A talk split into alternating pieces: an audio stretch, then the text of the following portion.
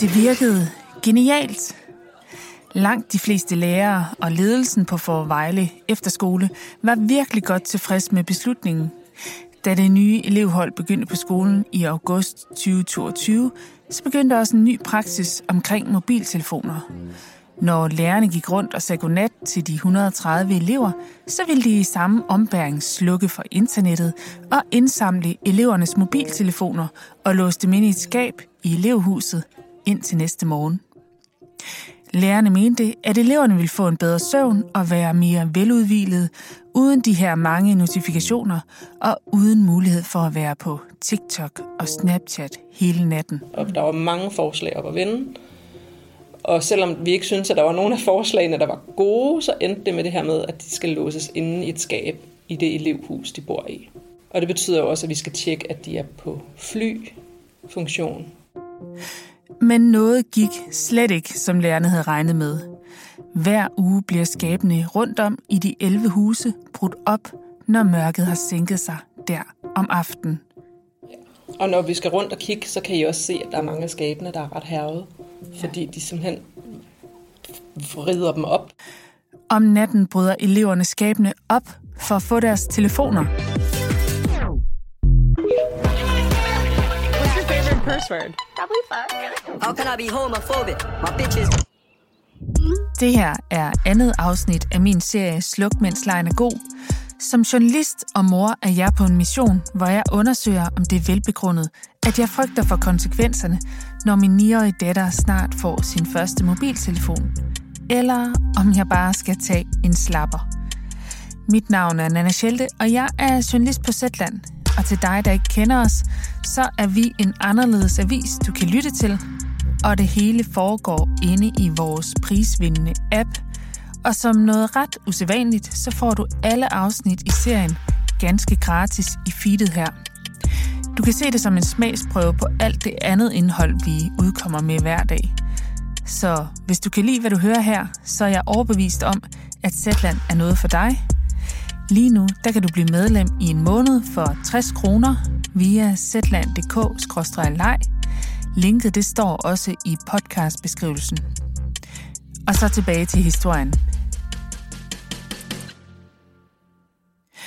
Et sted, hvor mobilerne fylder rigtig meget, det er skolerne. Siden jeg skrev mit opråb, som indledte den her serie, der er det væltet ind med mails og beskeder fra lærere. Som en af dem skriver, jeg elsker mit arbejde, jeg hader mobilerne. Og videre. Nogle dage har jeg en oplevelse af, at mine elever spænder fra at være dybt handicappede til funktionelle misbrugere af telefonen. Andre fortæller om elever, der ikke kan koncentrere sig ret længe ad gangen, og som har vendet sig til hele tiden at få fodret belønningssystemet, og derfor ikke kan fokusere på at fordybe sig i undervisningen. Det her afsnit handler om netop det, om skolernes udfordringer med mobilerne. Børne- og undervisningsminister Mathias Tesfaye har for nylig opfordret skolerne til at begrænse brugen af skærme i undervisningen. Og de seneste år har de danske skoler forsøgt sig med en lang række modeller for, hvordan man skal indrette sig for at få has på de her udfordringer med mobiltelefonerne. Medieforsker Anders Liberoth fandt hele ni forskellige måder for modeller for, hvordan de her skoler håndterer elevernes mobiler, da han undersøgte det i 2018 og rigtig mange skoler giver udtryk for, at mobilerne forstyrrer i løbet af skoledagen, men at det også er ret svært at lave strenge regler. En lærer i udskolingen sagde til mig, at de på hans skole har måttet bløde lidt op på mobilreglerne. Tidligere så var mobilerne låst inden hele dagen, men det gav så mange konflikter, at lærerne til sidst gav op. Så nu må eleverne godt have telefonerne i frikvarteret. Et nederlag, skrev den her lærer. I Frankrig og Kina der er mobilerne helt forbudt i skolen, og i Sverige er de i færd med at afdigitalisere skolerne, som det hedder. Den amerikanske delstat Utah har netop indført en omfattende lovgivning, der skal regulere børn og unges adgang til sociale medier. Lovgivningen, der er den hidtil skrabeste i USA, gør det forbudt for børn og unge at være på sociale medier mellem kl. 22.30 og 6.30 og det minder jo egentlig lidt om de her regler på Forvejle Efterskole, tænker jeg. Jeg beslutter mig for at tage turen til Vestjylland for at undersøge, hvorfor det tiltag, der fra lærernes side var ment som en hjælp, nærmest er endt som en katastrofe. For Vejle Efterskole ligger midt i et parcelhuskvarter i den lille by af samme navn. Elevhusene de er flade barakker, navngivet efter træer. En, tørnen, lærken. Mobilfri zone står der på et skilt på døren til spisesalen. Elever i blødt tøj spiser kylling og kartofler til frokost.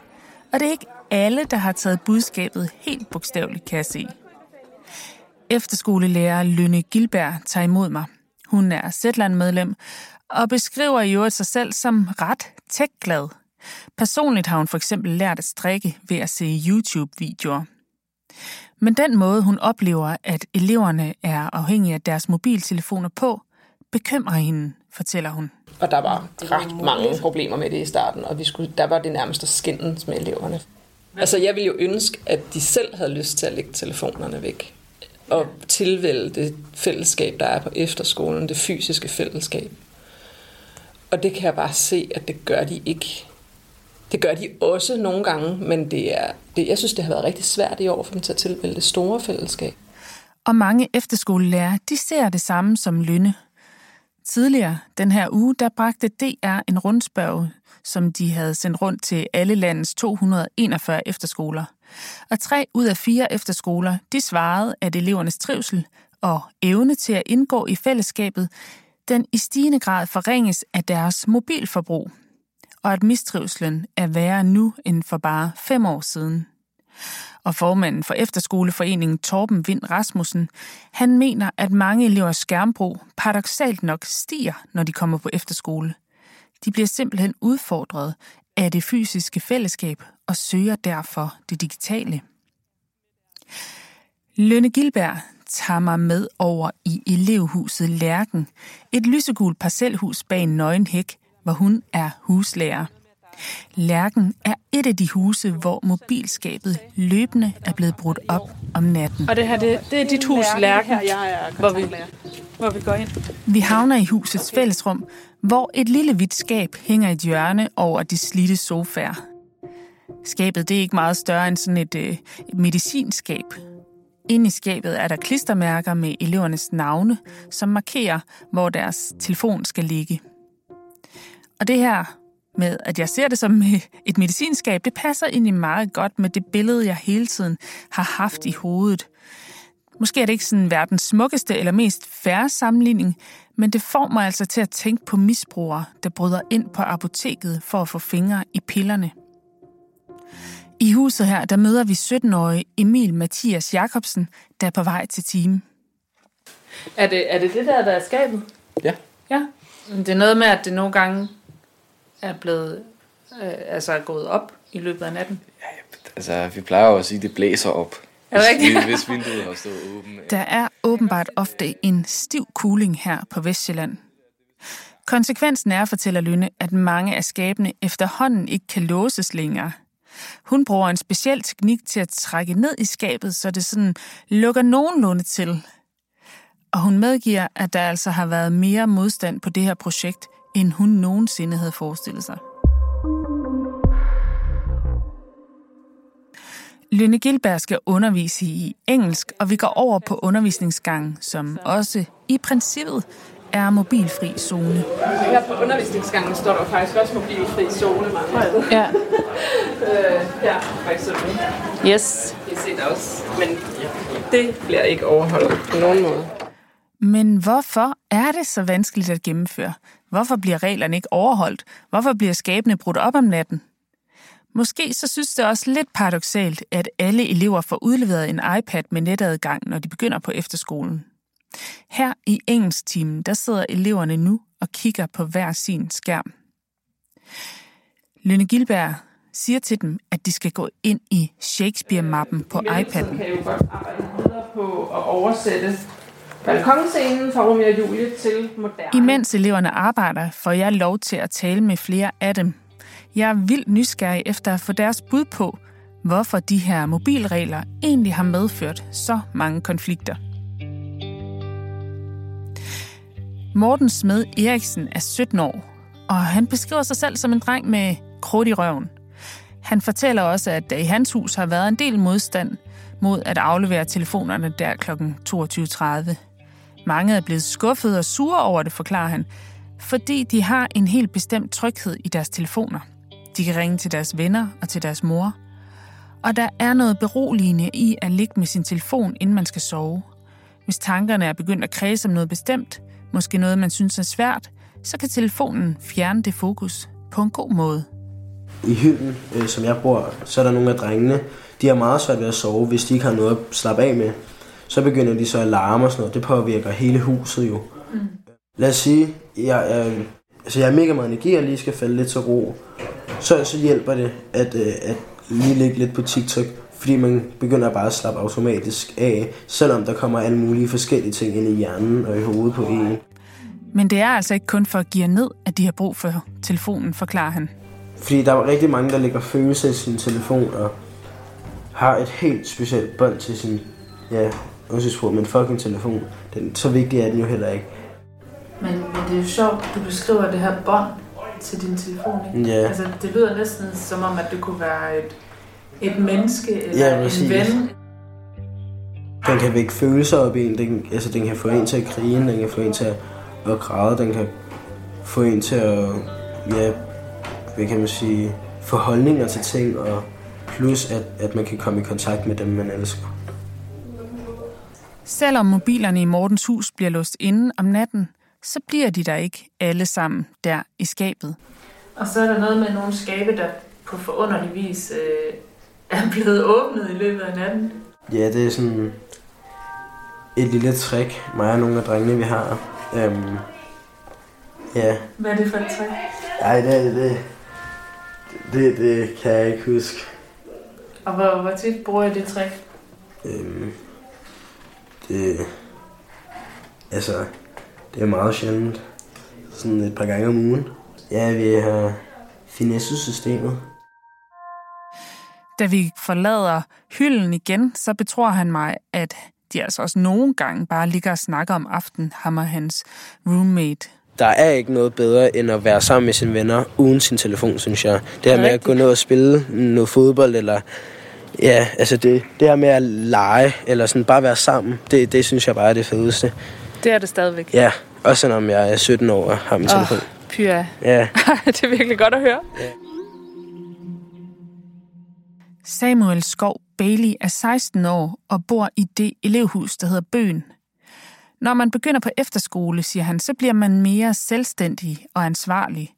Men det har de ikke fået lov til at vise i forhold til mobilerne, fordi lærerne låser dem inde om natten. Det synes jeg nu bare ikke sådan helt, at vi har fået lov til at vise, at vi godt kan, eller få lov at prøve i det mindste. Han er en af de elever, der har testet, hvad telefonskabet egentlig kunne holde til i hans hus. Og det kunne så ikke holde til så meget. Samuels hypotese er, at han kun ville være moderat på telefonen inden sengetid, hvis adgangen til den ikke pludselig var så eksklusiv eller noget, man ja, nærmest skulle begå indbrud for at få fat i. Endelig de gange, hvor jeg har min telefon, så bruger jeg den hele natten. Jeg tror, det vil være nemmere, eller jeg tror, jeg vil styre det bedre, hvis det var, at jeg havde, lad os sige, jeg havde haft den hele, det hele året hver dag. Så tror jeg ikke, jeg vil bruge den så meget. Han synes også, det er mærkeligt, fordi eleverne jo stadig har deres iPads. Internettet er slukket, men de kan downloade film og være længe op alligevel. Folk er stadig trætte og sover i pausen mellem timerne. Og derfor så vil han give projektet minus 3. De skal bare droppe det, siger han. Men samtidig så synes han egentlig, det er en forfærdelig kultur, ham og hans jævnaldrende er fanget i, hvor man konstant skal snappe med hinanden. Man spilder også virkelig meget tid på det, synes han. På den anden side, så er det på TikTok, at alle de nye trends opstår, og derfor så er det svært at være for uden. Så hvis man skulle slette de apps og bryde ud af kulturen, så ville det kræve, at man gjorde det i fællesskab, mener Samuel Skov Bailey. Han tror faktisk, at ret mange unge godt kunne have lyst til det. Måske så kunne de slette Snapchat, hvis de alle sammen gjorde det på én gang. Jeg tror, jeg tror, hvis du spurgte de fleste unge om, at hvis det var, at man aftalte, at alle nu ikke havde den samme app, så tror jeg, de vil sige ja. Det vil jeg i hvert fald. Jeg fortæller Samuel om min mission og min angst for, hvad der vil ske, når min datter på 9 år snart får sin første mobiltelefon. Så hvad er dit bedste råd til mig som forælder? Vent med sociale medier. Ja. Jeg synes, det er meget fint, hvis hun får en telefon, øh, hvor hun kan ringe til jer, for eksempel. Men sociale medier tænker jeg, man skal vente til aldersgrænsen med. Eller i hvert fald til alle sine venner har det. Så det er der, det er der den store forandring sker, det når man kommer på de her sociale Ja. medier. Ja, det, det, det, det er ikke selve telefonen.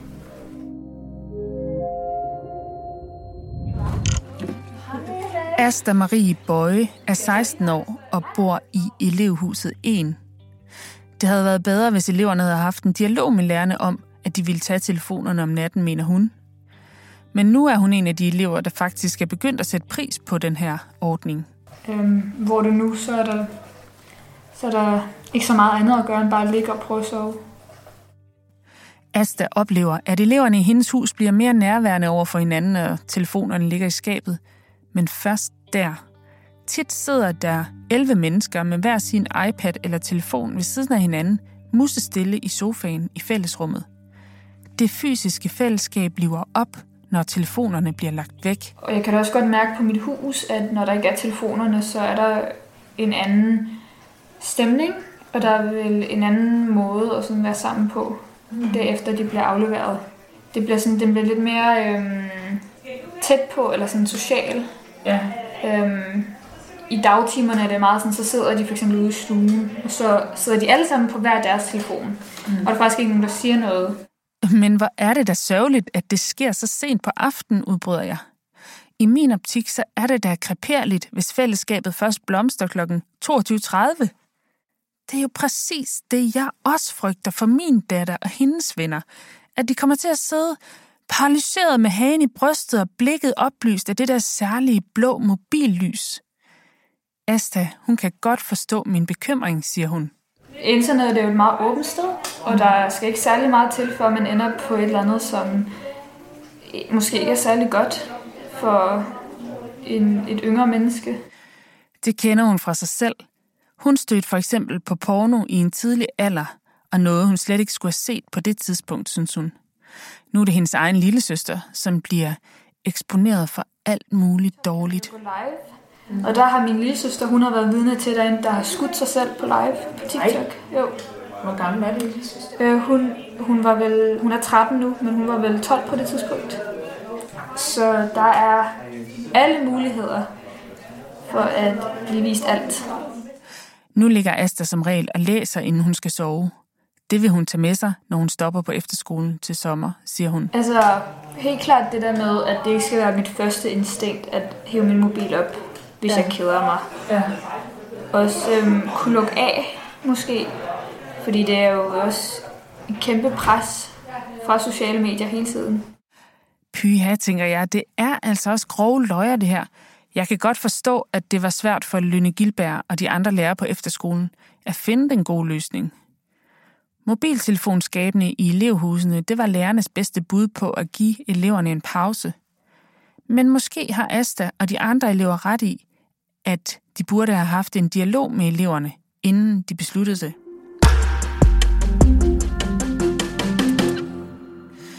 Jeg tager fat i skoleforsker og Ph.D. Louise Klinge. Hun er medlem af Børnerådet og netværket Tjek og Trivsel, og bruger en del af sit arbejdsliv på at sidde ude på skolerne og i klasseværelserne og simpelthen observere elever på alle klassetrin og deres omgang med skærme. Rigtig mange skoler har, som efterskolen i Forvejle, en mobilpolitik. Og rigtig mange steder, så bliver den ikke sådan for alvor overholdt. I mange tilfælde, der kan lærerne ikke overskue konflikterne i længden, siger Louise Klinge.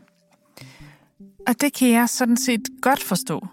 Jeg ved personligt, hvor hårdt det kan være at vriste en iPad ud af mine børns hænder.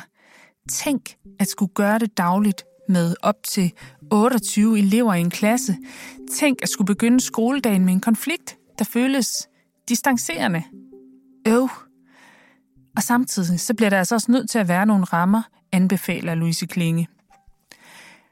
Jeg ser elever, siger hun, der er på telefonen hele dagen, og som faktisk ikke fagligt lærer noget. Al læring afhænger af graden af opmærksomhed.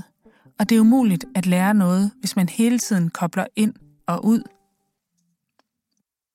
Desværre, tilføjer Louise Klinge, så har det også en socioøkonomisk slagside. Det er særligt børn, der i forvejen har det svært, der er mest på telefonen i løbet af skoledagen. Derfor så er det et fælles ansvar og en fælles samtale, der skal til. Alle skal inddrages. Skolen, forældrene, sundhedsmyndighederne, der skal fortælle om, hvad det gør ved trivslen at være online i op til 12 timer dagligt. Og så skal børnene, uanset alder, inddrages. Alle mennesker har brug for at opleve autonomi, samhørighed og kompetence. Ellers så vil de ikke tage opgaven på sig.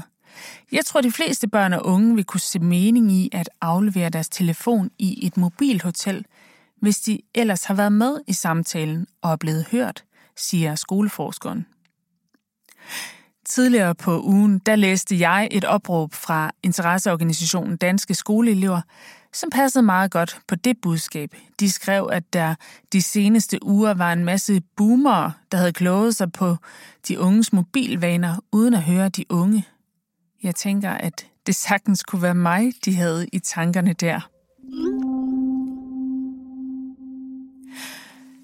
I Forvejle er det begyndt at sne. Elever i klipklapper har været i brusen og købe chips og chokker hen over gårdspladsen.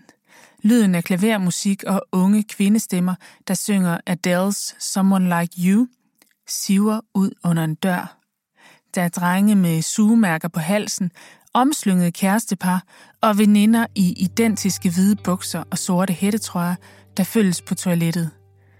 Der er klare tegn på, at fællesskabet også findes her i den virkelige verden. Over i lærerhuset Rønnen reflekterer Lønne Gilberg og hendes lærerkollega Alberte Sofia Hermann over deres mobilforsøg. I tre kvart år er mobilskabene ude i elevhusene blevet brudt op. Gamle, inaktive telefoner bliver lagt i skabet i stedet for dem, der virker, og hemmelige hotspots bliver oprettet om natten. Godnatrunden kl. 22.30 er blevet en sur pligt og har udviklet sig til lærerne mod eleverne. Alberte Sofia Hammann var faktisk en af de få, der var imod at låse elevernes mobiler inden om natten. Hun er en af de yngste lærere på skolen og husker selv, hvor formynderisk det føltes, da hun som ung fik inddraget sin mobiltelefon. Jeg kaster simpelthen op ved tanken om at tage telefonerne fra de unge mennesker. Jeg synes, der er stor forskel på, om de er små børn, eller om de er næsten voksne, ligesom vi har. Men jeg synes simpelthen, det er gammeldags tænkning at tage mm. telefonen fra de unge mennesker. Hun har heller ikke mærket nogen forskel på eleverne, efter at de begyndte at låse mobilerne inden. De unge mennesker, de er stadig trætte og stadig dejlige, som hun siger. Men Lønne Gilberg, hun havde altså troet, at det ville blive nemmere efter en periode, at eleverne bare skulle igennem en kold tyrker, og så ville de blive glade for ordningen. Og det tror jeg, jeg havde forventet, at de ville, efter noget tid ville have tænkt, at det er også federe at bare kunne ligge og hygge og snakke med min værelseskammerat, mm. end at bare ligge på telefonen. De to lærere på efterskolen mener stadig, at det er en kæmpe udfordring med de her mobiltelefoner. Det er svært for eleverne at indgå i det store efterskolefællesskab, når de samtidig skal holde snaps og chats ved lige med venner og familie derhjemme. Men måske var den strategi, de valgte, bare ikke den rigtige. Men det ændrer så ikke på, at der stadig er et problem, der skal løses. Det er i hvert fald tydeligt for mig, at, at elevers sådan, øh, vilje til at arbejde med noget, de ikke synes er spændende, den er blevet meget mindre i min tid som lærer. Jeg kommer i tanke om noget, som skoleforsker Louise Klinge sagde til mig. Hun sagde, at hvis man står alene foran en stejl skråning, så vil man vurdere den til at være 25% stejlere, end den egentlig er. Hvis man til gengæld står flere sammen, så vil man opfatte stigningen som 25% mindre, end den egentlig er. Det vil jeg tage med mig på min videre mission.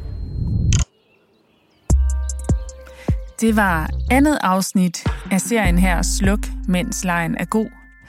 Jeg kunne stadigvæk godt bruge noget hjælp til at komme videre med min mission, til at undersøge problemerne, finde de vigtigste historier og ikke mindst opspore løsningerne.